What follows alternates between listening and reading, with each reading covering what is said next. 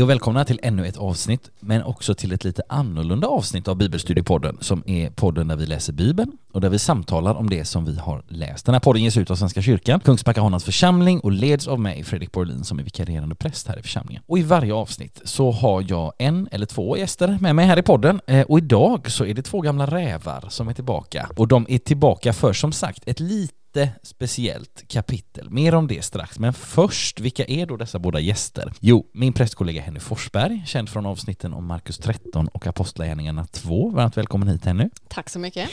Och så min diakonkollega Viktor Tedeman, känd från avsnitten Markus 1, Johannes 5 och Apostlagärningarna 18. Varmt välkommen hit också du Viktor. Tack så mycket Fredrik. Ni ska känna, vill ni dela någonting? Alltså vi, vi, har ju fått möta, vi har ju fått mötas i det här sammanhanget ett par gånger. Vill ni liksom lägga till, dra bort någonting av bilden av er själva eller? Jag, jag ska helt ärligt säga att jag inte liksom lyssnat igenom de avsnitten jag var gäst på inför detta, så jag tror inte det. Nej, jag tror att det är en okej bild av mig. Ja, jo, det, det, vill jag, det skulle jag vilja absolut påstå att det är också, så att säga. Men det är inte så här, ni vill inte så att säga lägga till med något, berätta om något exotiskt fritidsintresse eller sådär? Nej, ni Nej. behöver inte göra Nej. det. Utan vi kan gå direkt, vi kan gå direkt på liksom eh, pudelns kärna så att säga. För vad är det då som är så speciellt med det här avsnittet? Ja, dels är ju det här ett avslutningsavsnitt. Vad betyder det? Ja, vi har, vi har i den här podden två gånger haft liksom introduktionsavsnitt inför våra vandringar. Dels inför Johannesevangeliet och dels inför vandringen genom apostlagärningarna. Så dagens avsnitt blir liksom kan man säga tvärt emot det. Det blir liksom en sammanfattning av den vandringen som vi nu har fullbordat genom apostlagärningarna som vi bara i all korthet ska försöka oss på om en liten stund. Och så heter ju faktiskt det här avsnittet också Apostlagärningarna 29, det vill säga det handlar om ett kapitel som inte finns i Bibeln. Eller rättare sagt, det handlar om ett kapitel i Apostlagärningarna som ännu inte skrivits färdigt. För ibland säger man så här att vi nu, allt sedan apostlärningarna, eh, allt sedan händelserna i apostlagärningarna har liksom utspelat sig och fram till idag, det vill säga en rätt lång tid, 1960 år eller något sånt där. Det som vi lever i nu, allt sedan dess och fram tills idag, det är apostlagärningarna kapitel 29. Det är en sån där liten sak man kan slänga sig med om man vill. Och därför så blir liksom huvudparten av dagens avsnitt ett samtal om hur det är eller om hur det kan vara att leva som kristen idag utifrån några bibelord som jag har valt och som Henny har valt och som Viktor har valt. Och nu pekar jag på er och det ser ju ingen som, som lyssnar på detta. Men jag Men du pekar. pekar jättebra måste jag ändå säga. Ja, men det tack var så väldigt mycket. tydligt. Ja precis, ja, det är så att ni också vet vilka ni är, liksom, att det är du som är Henny och så vidare. Utifrån några bibelord som vi har valt, så det är vad som händer i dagens avsnitt. Och för att börja då med det första, bara en kort sammanfattning av Apostlagärningarna. Vad är det för bok vi har läst, skulle man kunna ställa som en fråga. Jo, vi har läst Apostlagärningarna, boken som är ställd till den ärade Teofilos. Det vill säga, det kan vara vi. Det kan vara, det kan vara någon som har beställt det här verket. Det kan vara den församling som möter den här texten. Det kan vara den person som möter den här texten. Och som jag sa innan, det kan också vara vi. När vi har läst Apostlagärningarna så har vi läst den bok i Nya Testamentet som är på flera sätt störst. Vi har läst den bok som är störst när det handlar om tid. När vi möter evangelierna så är det händelser under tre år ungefär, om vi bortser från Jesu barndom. När vi möter apostlärningarna så är det en bok som utspelar sig under 30 år. Också platsmässigt, när vi läser evangelierna så är det Israel som är i fokus. När vi läser apostlärningarna så är det hela östra halvan av medelhavsvärlden som är spelplanen. Apostlärningarna är också större på det sättet att eh, när vi läser evangelierna så finns det liksom en, oftast i alla fall, en enda ram där alla människor rör sig inom. Det är den judiska ramen. Även om Jesus har massvis av diskussioner och det finns massvis med olika uppfattningar om hur man tolkar lagen och det finns fariseer och saddukeer och, och sådär, så utgår alla människor i evangelierna mer eller mindre från samma ram av vi är Guds egendomsfolk, vi har fått lagen, vi har vandrat ut ur Egypten, vi har fått ett land, vi väntar på Messias och så vidare. Men i apostlagärningarna så är den spelplanen mycket större när det kommer till liksom världsbild, religioner, seder, bruk, politik, synsätt, värderingar, makt med mera, med mera. Så det är en mycket större spelplan också i så att säga idévärlden och det är också en spelplan som hela tiden blir större. Det är en sån här sak som vi återkommer till. Ringarna på vattnet är ju en beskrivning av apostlärningarna. Budskapet som hela tiden sprider sig. När vi har läst apostlärningarna så har vi också läst det utifrån en nyckelvers. Nyckelversen som vi valde på den här vandringen som nu avslutas, det är Apostlagärningarna 1 och 8, där det står så här. Men ni ska få kraft, det är Jesus som säger detta, men ni ska få kraft när den helige ande kommer över er och ni ska vittna om mig i Jerusalem och hela Judeen och Samarien och ända till jordens yttersta gräns. Alltså två statements kan vi göra om Apostlagärningarna utifrån den här nyckelversen. Det finns en rumslig rörelse från Jerusalem ut i hela Judeen, vidare till Samarien och slutligen ända till jordens yttersta gräns. Det är det ena. Det andra är att även om den här boken heter Apostlagärningarna så är det inte framförallt apostlarnas gärningar som det handlar om, utan snarare den helige Andes gärningar genom apostlarna. Så Apostlagärningarna är på flera sätt en helige Andes bok, men och det ska vi också komma ihåg, det är inte en lärobok om den helige Ande. Det är en exempelbok. Lukas är intresserad av när och var och hur den helige Ande uppträder, manifesterar sig, framträder och så vidare. Men han är framför allt intresserad av att den helige Ande gör det. Och det får vi många exempel på. Och det är inte alltid så lätt att få en systematik i det. Vill vi ha det så finns det annan undervisning om den heliga ande som vi kan ta del av. Vi kan tänka på första Korintierbrevet 12 där det finns en liksom, där Paulus gör en mer systematisk framställning av ja, men hur är det med anden? Vad, hur, hur visar sig anden på ett, liksom, ett samlat sätt? Sådär. Vill vi tala om andens verk i att tända och upprätthålla tron? Ja, men då kan vi gå till Johannes 14 och Johannes 16 till exempel. När vi har läst Apostlagärningarna så har vi också läst en bok som har sin bakgrund, sin utgångspunkt i evangelierna. Vi kan tänka på det här som Jesus säger i Matteus 28, gå ut i hela världen och gör alla folk till lärjungar. Det är vad de gör. Det är vad lärjungarna gör eller försöker göra. Vi kan också tänka på det som Jesus säger i Johannes 15, när hjälparen kommer, som jag ska sända ifrån Fadern, sanningens ande som utgår från Fadern, då ska han vittna om mig. Också ni ska vittna att ni har varit med mig från början. Och det är också det som lärjungarna gör, det vill säga de går eh, på Jesu befallning, men de går också med hjälparen. Det är några korta ord om den här boken som vi har läst. Och nu ska vi röra oss över till det som vi framför allt ska göra idag. Apostlagärningarna 29, det vill säga tidsperioden 65 ungefär efter Kristus fram till när du kan lyssna på detta så är det från och med september 2021. Vi har spelat in, vi spelar faktiskt in detta före midsommar för att få ihop det med semestrar och annat. Så att nu lever vi i den här långa tidsperioden som är Apostlagärningarna 29 och därför så har vi samlat lite bibelord till uppmuntran som vi tänkte att vi ska dela ett i taget. Så att jag, jag tänker att jag, jag gör så här att jag lämnar ordet till dig Henny och ber om ditt första ord. Mm, spännande. Mitt första, det kommer från Lukas evangeliet och det är Lukas evangeliets första kapitel, vers 38. Och där står det så här. Maria sa, jag är Herrens tjänarinna. Må det ske med mig som du har sagt. Ja, och det här eh, bibelordet, det har eh, kanske man hört det innan. Jag tycker, har alltid tyckt att Maria är intressant Mm. eh, av många anledningar. Men sen så också det här att eh, hon ställer sig till förfogande. Både på ett sätt där hon kanske inte riktigt vet vad detta kommer innebära såklart.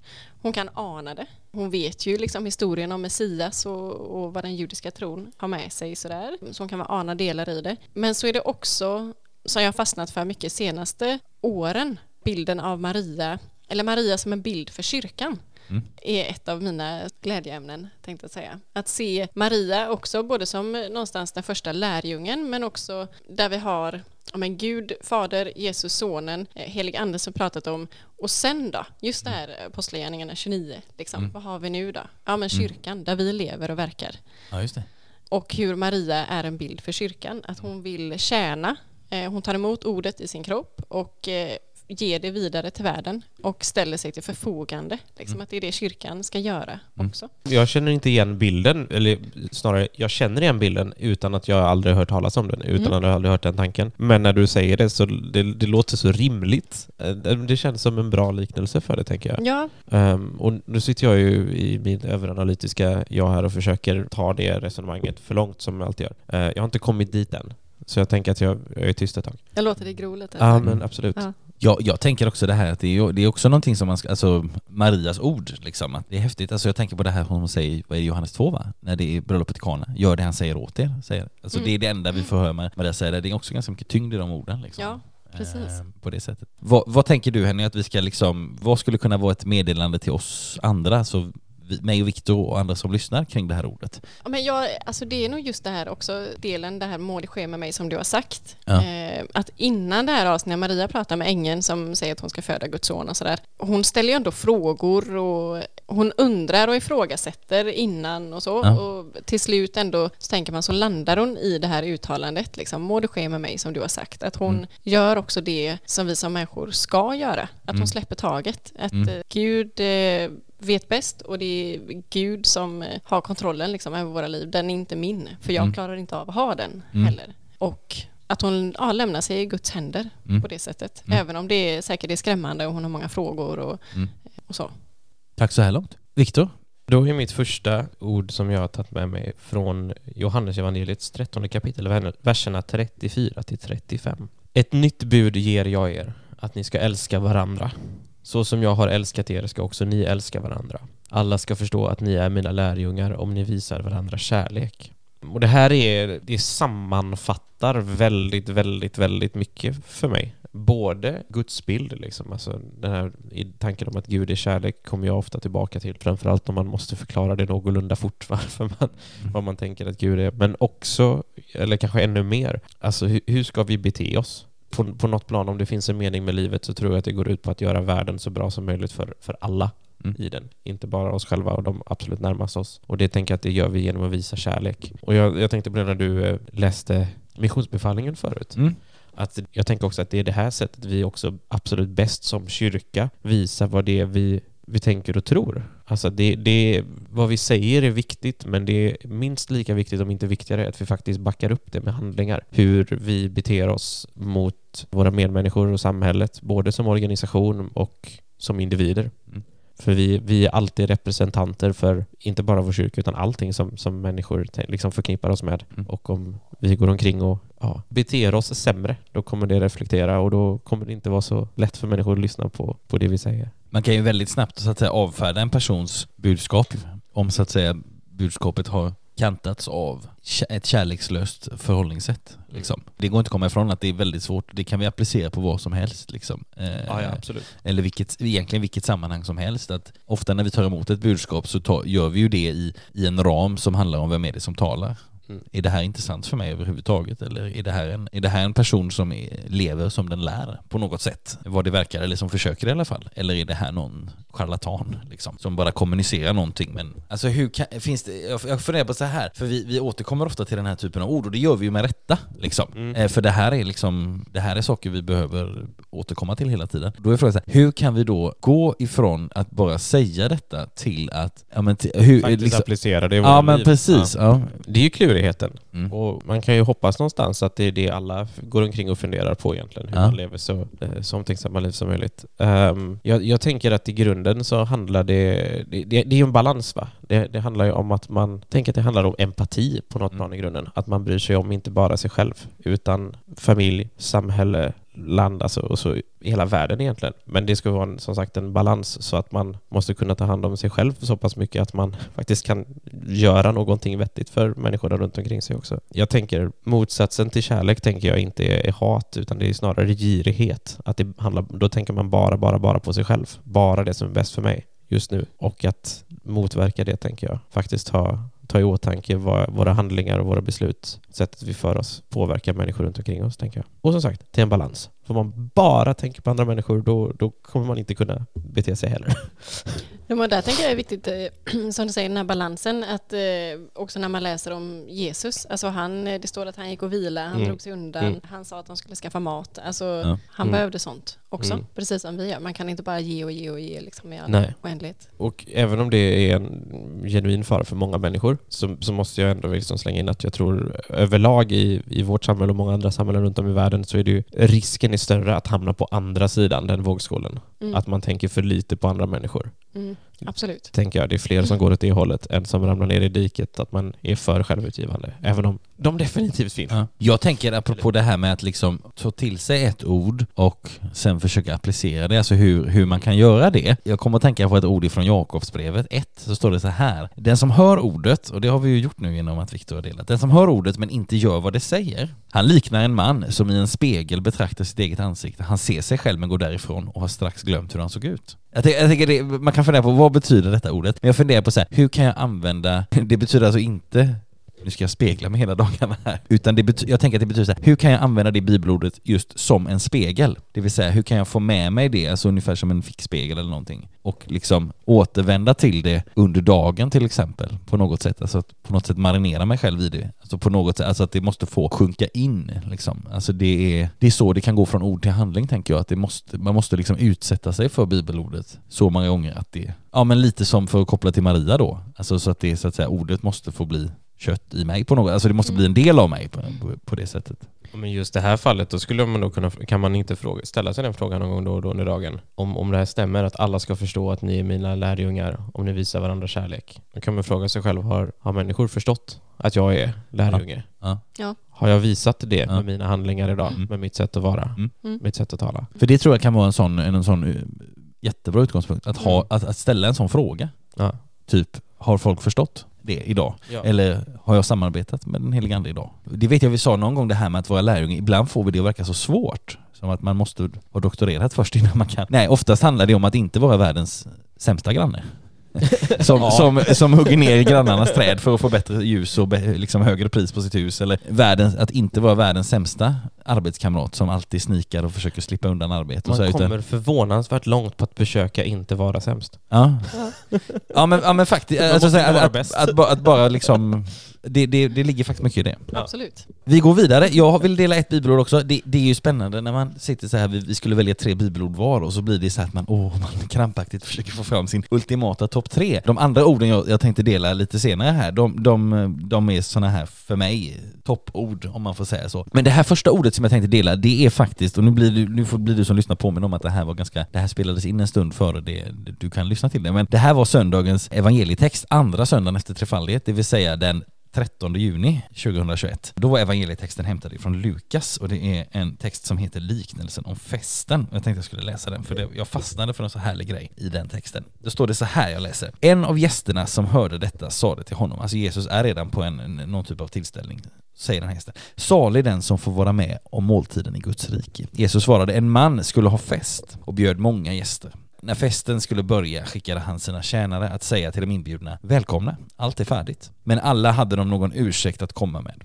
En lät hälsa, jag har köpt en åker och är tvungen att gå och se på den. Förlåt att jag inte kan komma. En annan sade, jag har köpt fem par oxar och måste ut och se vad de går för. Förlåt att jag inte kan komma. En tredje sade, jag har just gift mig, så jag kan inte komma. När tjänaren kom tillbaka och berättade detta greps hans herre av vrede och sade, gå genast ut på gator och gränder och i staden och hämta hit alla fattiga och krymplingar och blinda och lytta. Och tjänaren sade, herre, jag har gjort som du befallt, men ännu finns det plats. Då sade mannen till sin tjänare, gå ut på vägarna och stigarna och se till att folk kommer hit, så att mitt hus blir fullt. Jag säger er att ingen av alla dem som först blev bjudna ska få vara med på min fest. Och vad var det jag fastnade för här? Jo, jag tror att ett ord i den här tiden dels är det här motivet med inbjudan och att liksom att människor behöver svara ja. Alltså det här motivet av att det finns en inbjudan, Gud bjuder in, han, liksom, han står med öppen famn och, och vi, vi behöver svara på det, vi behöver respondera på det på något sätt. Alltså, jag vet när, när du var här Henny förra gången, Apostlagärningarna 2, vi pratade om att orden träffade dem i hjärtat Mm. och eh, när Petrus håller sin pingstpredikan och de frågar bröder vad ska vi göra?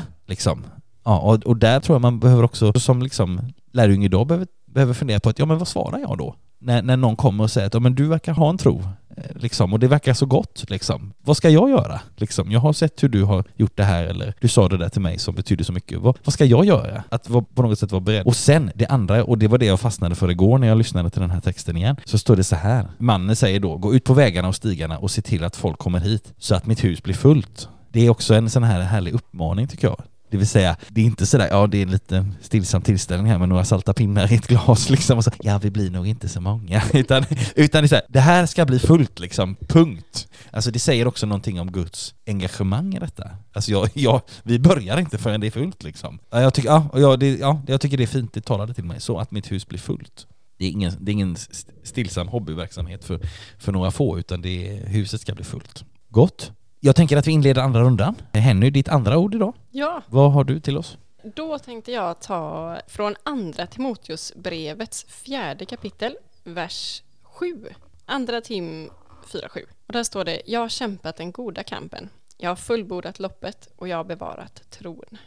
Och det här är, eh, men det är, det är också ett sånt där, jag tänker jag sa någon gång när jag var med här tidigare, att eh, jag ofta delar upp bibelord i, eh, man kramar ur olika meningar och ord och, Ja. och sådär. Mm. Och det här är också en sån som jag blir glad när jag hör någon eh, som kanske predikar över eller pratar om, för jag tror det finns så mycket att klämma ur det Mm. här. Mm. Men både det här att Paulus skriver ju detta liksom när han är i slutet av sin gärning, Ja. så tror man. Och eh, han börjar närma sig, han kanske är är sjuk och börjar bli trött och liksom han börjar Mm. närma sig någon form av slut. Mm. eh, Så tänker han ju själv. Men och det här är ju också en sån här, det här vill jag bära med mig för att jag hoppas att det också är den goda kampen som också jag kämpar. Mm. Att komma ihåg att det är en påminnelse. Liksom. Att det är den kampen vi är satta att vara i. Mm. Den goda kampen. Mm. Men och sen också det här, jag har fullbordat loppet. Mm. Att, eh, inte för att det är en tävling, utan att jag springer på min egen bana, liksom, Mm. det här loppet. Och det finns ett mål, tänker jag också, där framme, som väntar oss alla. Och lite för anknytning till festen, alltså det är Mm. festen som väntar där framme Mm. på något sätt. Mm. Och att när jag kommer dit så hoppas jag verkligen att jag har bevarat tron. Mm. För att den är ju, det är ju mycket som händer genom livet på alla möjliga Mm. sätt. Men att få bevara den, jag tänker det är ju vår finaste skatt, liksom. Mm. Eh, att den får finnas kvar hos oss. Mm. Också när vi har fullbordat Mm. det här loppet. Absolut. Jag och jag tänker så här att liksom, ja men alltså dels det här med loppet, alltså vad är det för typ av lopp? Mm. Det är inte ett sprinterlopp, Nej. utan det är ett maratonlopp liksom. Precis. Och, och att eh, målet är det viktiga. Det är inte så här att ja, nu springer jag här på den här raksträckan här och åh, nu är det viktigt att alla ser hur snyggt jag springer liksom. Och, alltså, utan, alltså, vi ska inte, alltså, utan, nej men det är målet som är det viktiga liksom. Mm. Viktor, har du någon tanke om detta? Jag, jag fastnade lite på att eh, Paulus är en riktig förebild när det kommer till att kommer till gott självförtroende. Ja. Ja. det, det, det har jag suttit och filosoferat över. Ja. Han, även om man är, på det stora hela så, så är han liksom, när han har gjort något bra så säger han det. Jag har gjort detta. Och det var egentligen inte alls därför detta du tog upp detta eh, ordet tänker jag. Det var inte det främsta. Men jag vet inte. Jag satt och pratade om, om, om konfirmanden här veckan just hur viktigt det är att faktiskt, hur, hur ser vi på oss själva? Mm. Det här tycker jag tycker jag är så roligt med till exempel när man lyssnar på en predikan att ibland räcker det med att man hör en mening för att sätta igång någonting helt annan tankeverksamhet. Mm, Kanske det absolut. du hade tänkt att jag skulle tänka på men kanske också någonting helt annat. Och nu kan man sitta och grubbla på det ett tag och se vart man hamnar. Men eh, ja, det var en liten så.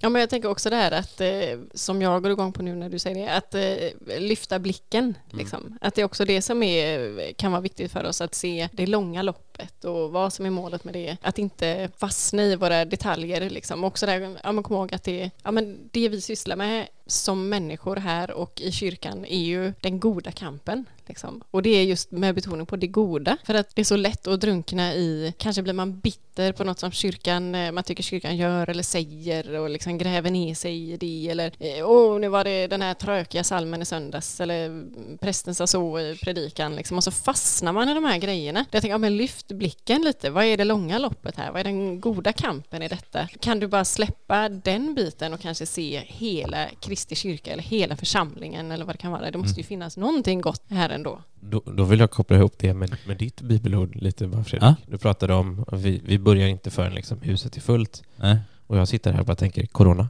Avstånd, inte fylla husen. Nej men och, och det, apropå det långa loppet, det, det påminner ju liksom att det är långsiktigt. Mm. Gud är så mycket större än detta. Gud är så mycket större än, än våran tid och, och tänker på ett helt annat sätt än vi gör. Apropå att olika tankar Mm. startar i huvudet. Ja, och jag tänker också att det dels är det ju mitt lopp så att säga, men det handlar ju också om ja, men det här med, med så att säga medlöparna. Uppmuntrar jag dem?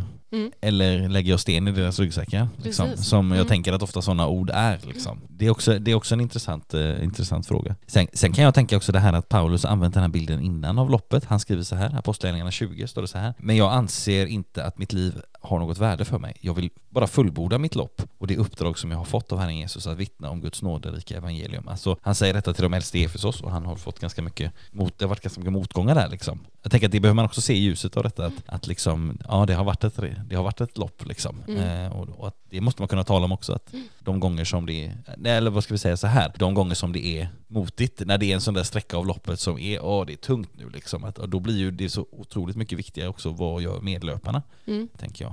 Får, man, får jag ännu mer sten då av andra, eller vad, vad blir det liksom? Viktor, du har ett ord till? Ja, apropå eh, loppen är långa och inte allt så lätta. Det här är nog det som jag har suttit och, vad ska man säga, grubblat över längst konsekvent. Att det har varit med mig liksom under väldigt lång tid. Och det är från Matteus 7, 13-14. Gå in genom den trånga porten, ty den port är vid och den väg är bred som leder till fördärvet, och det är många som går in genom den. Men den port är trång och den väg är smal som leder till livet, och det är få som finner den. Och jag tänker att jag har en liten i alla fall röd tråd med mina, mellan mina tre ord och kommer väl få koppla tillbaka till första då, om att visa kärlek. Det här är, tänker jag, det här är en påminnelse för mig. Den kan låta ganska så tungt, detta bibelordet, att så här, att vi, vi, kom, vi är på väg till fördärvet. Men för mig är det snarare en um, uppmuntran, en påminnelse om att det är inte lätt i livet. Och det är inte så här, åh nej, livet är inte lätt, det är hemskt, utan det är inte lätt. Det är okej okay att vi snubblar ibland. För att det är naturligt på något sätt. Det är enkelt att göra saker som inte är så bra för oss, som inte är så bra för människor runt omkring oss. Men det betyder inte att vi inte ska sträva mot att faktiskt leva ett gott liv, att försöka ta oss igenom den där trånga porten, den smala vägen. Och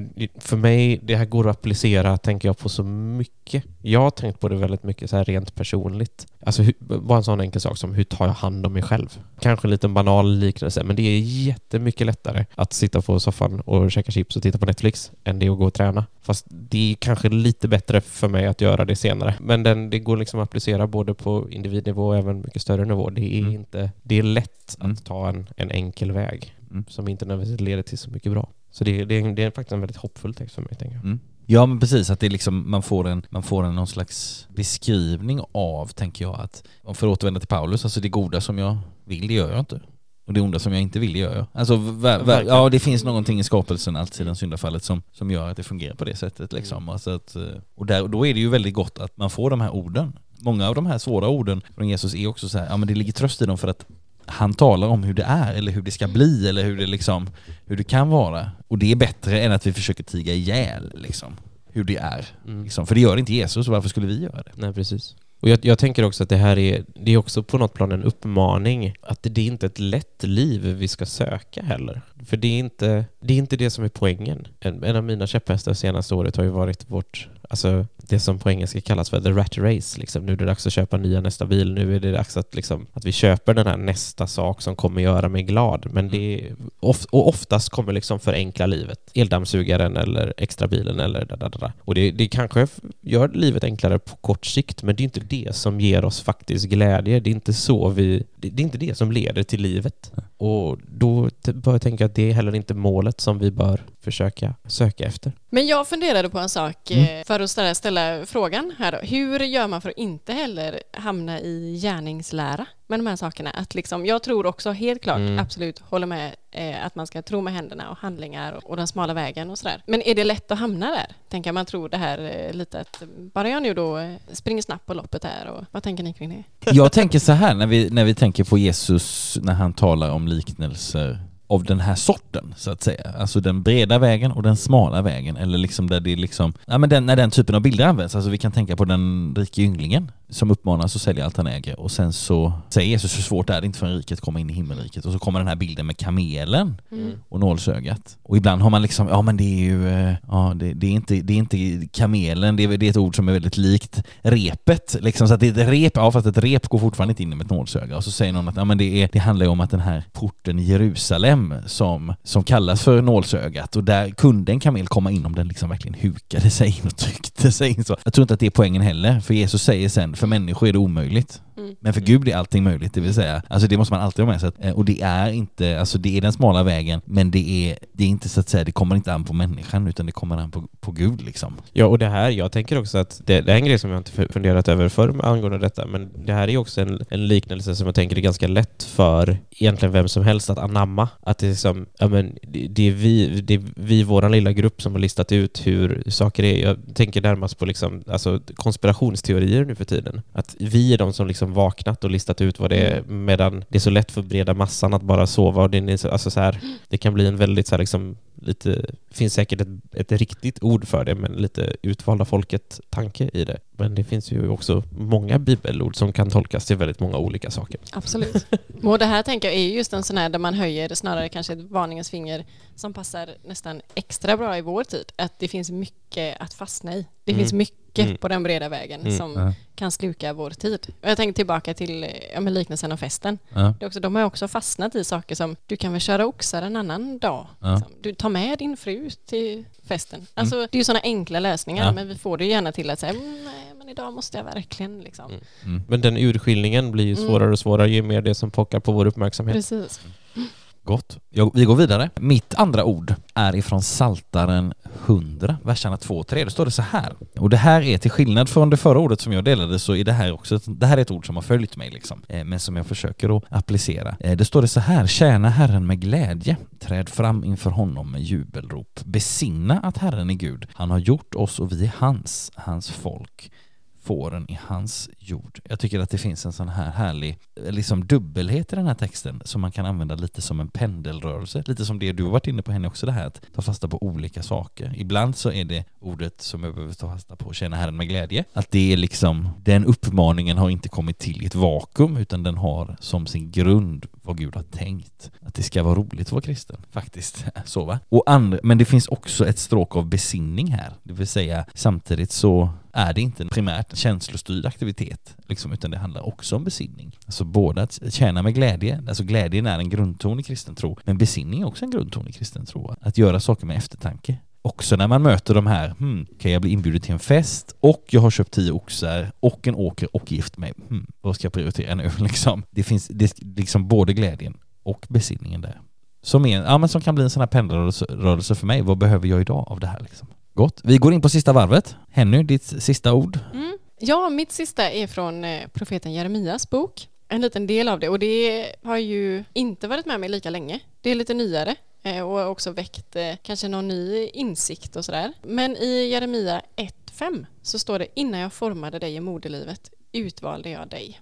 Och egentligen så är det kanske just den här första delen innan jag formade det i moderlivet. Att eh, när jag var gravid med mitt andra barn som kom för ett och ett halvt år sedan ungefär så var det inte en komplicerad graviditet men det var ovisst sådär ganska länge om det skulle bli något av det här liksom. Skulle det komma en bebis eller inte? Och då under hela den graviditeten så fanns det här med mig insikten att eh, Gud känner oss ja, men redan innan vi är födda. Liksom. Att redan i moderlivet så vet Gud allt som kommer hända oss, allt som rör oss. Liksom. Mm. Att vi är hans. Och jag har nog aldrig riktigt... Det är också olika, jag tänker det här, i vår tro, vad man tar till sig och vad man, man ökar ständigt sin förståelse eller insikt kring olika saker, både i livet och i trons liv. Liksom. Ja. Och det var verkligen en period för mig där det gick upp för mig att jag vet inte hur det här ska gå. Det kommer säkert gå bra oavsett liksom vad som händer. Men Gud vet det. Gud känner redan vad som händer och Gud vet det och tar hand om det. Liksom. Och då bottnade verkligen den insikten hos mig.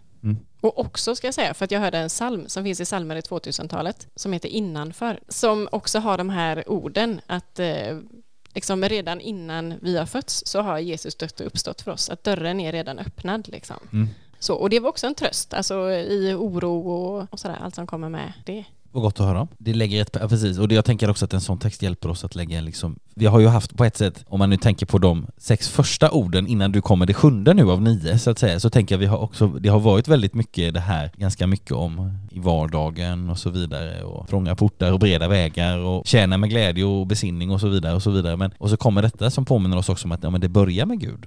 Mm. Det vill säga Guds omsorg kommer inte som en liten bonus på slutet utan den är före ens vi liksom kan tänka tanken. Viktor, vill du säga någonting om detta eller vill du eh, leda vidare?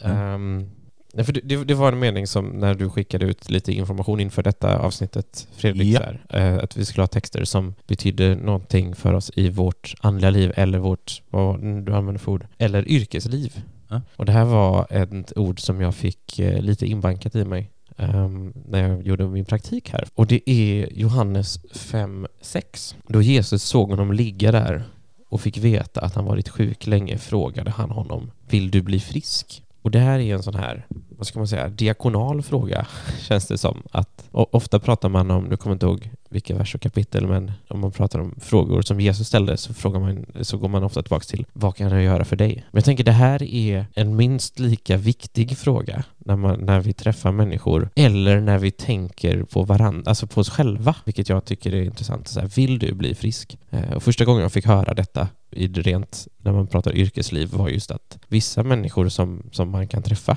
i, i, inte bara som diakon eller präst utan även som liksom sjuksköterska eller kurat, alltså alla människovårdande yrken, Ja. så måste man ibland ställa den frågan för att ibland har man, träffar man människor som på något sätt har lite internal, internaliserat, alltså att man, ens sjukdom eller ens jobbiga situation har blivit en liksom viktig del av en och det har blivit en del av ens identitet. Mm. Och då är det jobbigt att på något sätt överge den. Vare sig man är medveten om det eller inte. Att det kanske är så här, men, men man kanske gillar om, uppmärksamheten, omtänksamheten och sånt. Det här är ju en, en minoritet av människor, vill jag bara lägga till. Men just också att man kan ställa den frågan till sig själv när man är i en klurig situation. Alltså, vill du bli frisk? För då kommer det, vare sig man vill eller inte, då kommer det följdfrågor på det. Okej, hur gör jag för att göra det? Alltså att man kan, tänker jag, fråga sig till hur tar jag mig ut en jobbig situation? Och det tänker jag är, apropå frågor, Mm. att ha med sig. Förhoppningsvis behöver man inte ha med den dagligen, men eh, jag har fått ut något att, att gå tillbaka till den eh, mer än en gång. Jag tänker så här också att alltså, ibland kan vi ju frestas att tro att vi, om man jobbar, har ett yrke som är människovårdande, så kan vi så att säga, vi kan fresta sig att tro att vi vet bättre än den vi möter. Och ibland kan det faktiskt också vara sant. Alltså ibland kan ju så att säga, ibland kan det vara så att man möter människor där man liksom upplever otroligt starkt att det, det är det här, man ser någonting som den inte ser. Men vad man också alltid ska ha med sig är att ja, men Gud vet alltid ännu bättre. Det vill säga, Gud har en större omsorg om den här människan än vad jag någonsin kan ha. Gud har en större omsorg om den här människan jag möter än vad den människan själv har. Och därför så måste det vara, därför är vi också framförallt, tänker jag, verktyg inte för våra egna funderingar och våra egna liksom, vad vi tycker är rimligt och rätt liksom, utan, utan för vad Gud vill göra. För jag vet, du tog upp detta när vi hade det här avsnittet, Johannes 5. Och, och jag, har också, jag har också tänkt mycket på den här versen sen dess. Att, att liksom, ja, det, det är inte alltid som vi vet så mycket som vi tror att vi vet heller när vi möter andra. Vi ska försöka inte vara så slagfärdiga på det sättet. Nej men alltså på något plan är ju alla människor experter på sig själv. Ja. Alltså det är ju ingen som egentligen kan veta så mycket om, om jag som någon annan, som, som jag. Möjligen Gud då, men... Ja, jo, jo, jo, men om vi... Ja, tack. Ibland vet man inte vad man vet så att säga. Och just att fråga över det, fundera faktiskt, ställa frågor till sig själv är en inte jättedålig idé för många människor i många situationer, tänker jag. Mm. Och de bygger ju det också på att du är öppen för att faktiskt kunna svara på de frågorna. Att vara helt och hållet ärlig med sig själv. Ja, för jag tänker det ger ju många följdfrågor, eller kan göra det. Alltså just det här, vill du bli frisk? Ja, men vad skulle kunna hända med dig då? då? Om du släppte det här eller om... För det är ju så lätt när saker har hänt oss eller saker vi har haft med oss länge. Det blir ju en del av oss. Och hur hanterar jag den delen? Hur stor plats ska den få ta? Och, sådär. Och, och vad händer om jag ska försöka lägga det här bakom mig? Vill jag ens det? Det är ju det som är den stora. Har jag fått också? Jag tänker att det, det vi möter människor där den här frågan ryms, det handlar ju om många människors ja, men inre liv också ju. Och där det också är det viktiga i att få berätta att nej, jag kanske inte kan släppa det här förrän jag har fått berätta den här historien sju gånger till. Och då kanske den kan börja landa. Liksom. Mm. Då kan jag börja, ja men då kanske jag vill bli frisk så att säga. Liksom. Ja, frisk i det här fallet kan ju användas väldigt allegoriskt. Ja, precis. det är ju inte bara, inte bara sjukdom, vad Nej. det nu kan vara. Nej, och jag tänker att vi, alltså man kan tänka på Jesus. Alltså ibland så, han går ju fram liksom och botar folk till höger och vänster. Och det är liksom, oft, oftast sker det väldigt snabbt, men det är också påfallande tänker jag att han också tar sig liksom tid för människor. Alltså att han, det är någon, tror jag det är någon döv som han leder ut och de liksom, för att få egen tid med honom, alltså han träffar Nikodemus på natten och sitter och pratar liksom. Alltså vi ska inte fara fram liksom, utan, Nej, det tror jag, utan det handlar också om att ge människor tid. precis. Ofta är vår verksamhetstid längre än tre år, som den var för Jesus. Och de, dessutom så ska vi inte bära världens alla synder på- på våra axlar på korset, utan vi kallar det till någonting annat liksom. Och det, tänker jag att det, det tycker jag det gör att man ska vara varsam med sin tid, men också generös med sin tid. Människor liksom. Ja, också kopplat till Gud. Jag tänker att vi ska gå in lite för landning, det sista ordet, som jag har valt och det är ifrån Sakarja 4 och 6. Då står det så här Gud säger. Och det tänker jag, det skulle på ett sätt kanske kunna sammanfatta lite eller liksom knyta ihop påsen på något sätt. Då står det så här, varken med styrka eller makt utan med min ande, säger Herren Sebaot. Alltså, hur ska saker och ting kunna ske? Hur ska saker och ting kunna ske i en församling? Hur ska saker och ting kunna ske i enskilda människors liv? Både sådant som vi så att säga längtar efter för oss själva, alltså uthållighet i det där loppet, men också sånt som vi längtar efter för andra människor, att få vara ett verktyg för andra, att kunna ställa den där frågan som, som Viktor tar upp här, vill du bli frisk? Ja, det är inte genom med styrka eller makt, utan genom min ande, säger Herren. Det vill säga, det är Guds ande som måste vara den som leder. Alltså jag tänker, just det här med att, som man pratar om, att gå i egen kraft. Det är så viktigt att vi avhåller oss ifrån det. Inte bara för att jobbet ska bli lite enklare för oss, ungefär som om vi köper oss en eldammsugare istället för en sopskyffel. Liksom. Utan, eh, utan också det här att det är inte vår roll. Vi är inte byggmästare. Vi är inte små förmän på det här bygget som är kyrkan eller som är Guds församling, utan vi är verktyg och stenar i det andliga bygget. Vi är inte någon liten förman som ska springa omkring och bestämma, utan vi är verktyg och vi är stenar och det är Gud som bygger sin kyrka och det sker och, det, och allt det vi gör, det måste ske genom anden. Det är inte bara ett, ett tips från coachen, alltså Gud då, utan det är också en befallning. Det är också, en, det är också intressant att fundera på skillnaden där. Så det skulle man kunna ha som ett litet slutord, varken med styrka eller makt utan med min ande, säger Herren. Gott. Då gör vi så att vi, vi knyter ihop den här påsen nu på detta lite speciella avsnitt. Påsen som är apostlärningarna och också påsen som är att vi nu lever i apostlärningarna 29 så att säga. Henny och Viktor, varmt tack för att ni kom hit. För era, era tankar, ord och gärningar här och för era förberedelser samtal och så vidare. Till dig som har lyssnat, hoppas att du har funnit någonting i det här avsnittet, i vårt samtal eller de orden vi delar eller sådär. Så den påsen knyter vi upp och så knyter vi också ihop påsen som är Bibelstudiepodden. Vi har ju pysslat här under vårvintern, våren, sommaren eh, 2021 med att gör detta tillsammans med många goda medarbetare, många goda kollegor, många församlingsbor här i Kungsbacka församling. Eh, vi har också gjort det tillsammans med två speciella gäster, Carl Magnus Adrian och Elisabeth Karlsson, bibellärare. De har kommit in som liksom injektioner av inspiration två gånger under den här vandringen. Men nu knyter vi faktiskt ihop den här säcken lite mer än bara det här avsnittet eller den här serien för att när vi spelar in detta i början på juni så är det, hoppas vi att den här coronasituationen som håller på att ebba ut, eh, den kommer fortsätta med det, vilket gör att nu är det också läge att arbeta analogt bland människor på ett nytt sätt som vi får göra. Den här, det här projektet kommer kanske tillbaka i någon form på något sätt framöver. Det får vi se. Men som sagt, till dig som har lyssnat på ett eller fem eller alla 68 avsnitt, så varmt tack för att du har varit med och tipsa gärna någon annan som du tror kan vara intresserad för materialet kommer att ligga kvar. Ja, du kan gärna tipsa någon som du tror är direkt ointressant.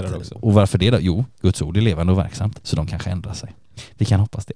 Och ska också säga ett särskilt tack till våra musikerkollegor här som har ordnat med jinglar. Det har också varit, ja, det har gett oss en, liksom en fin och lite lyxig ram eh, att få ha det. Då känns det som att wow, här, här har vi jinglar minsann. Så att Majvor, Will, Carolina och Ulrika ska också nämnas särskilt här. Så tills vi hörs, ses eller stöter på varandra nästa gång så önskar vi tre som har spelat in det här avsnittet, dig som har lyssnat, allt gott och Guds rika välsignelse. Hej då! Hej då! Hej då!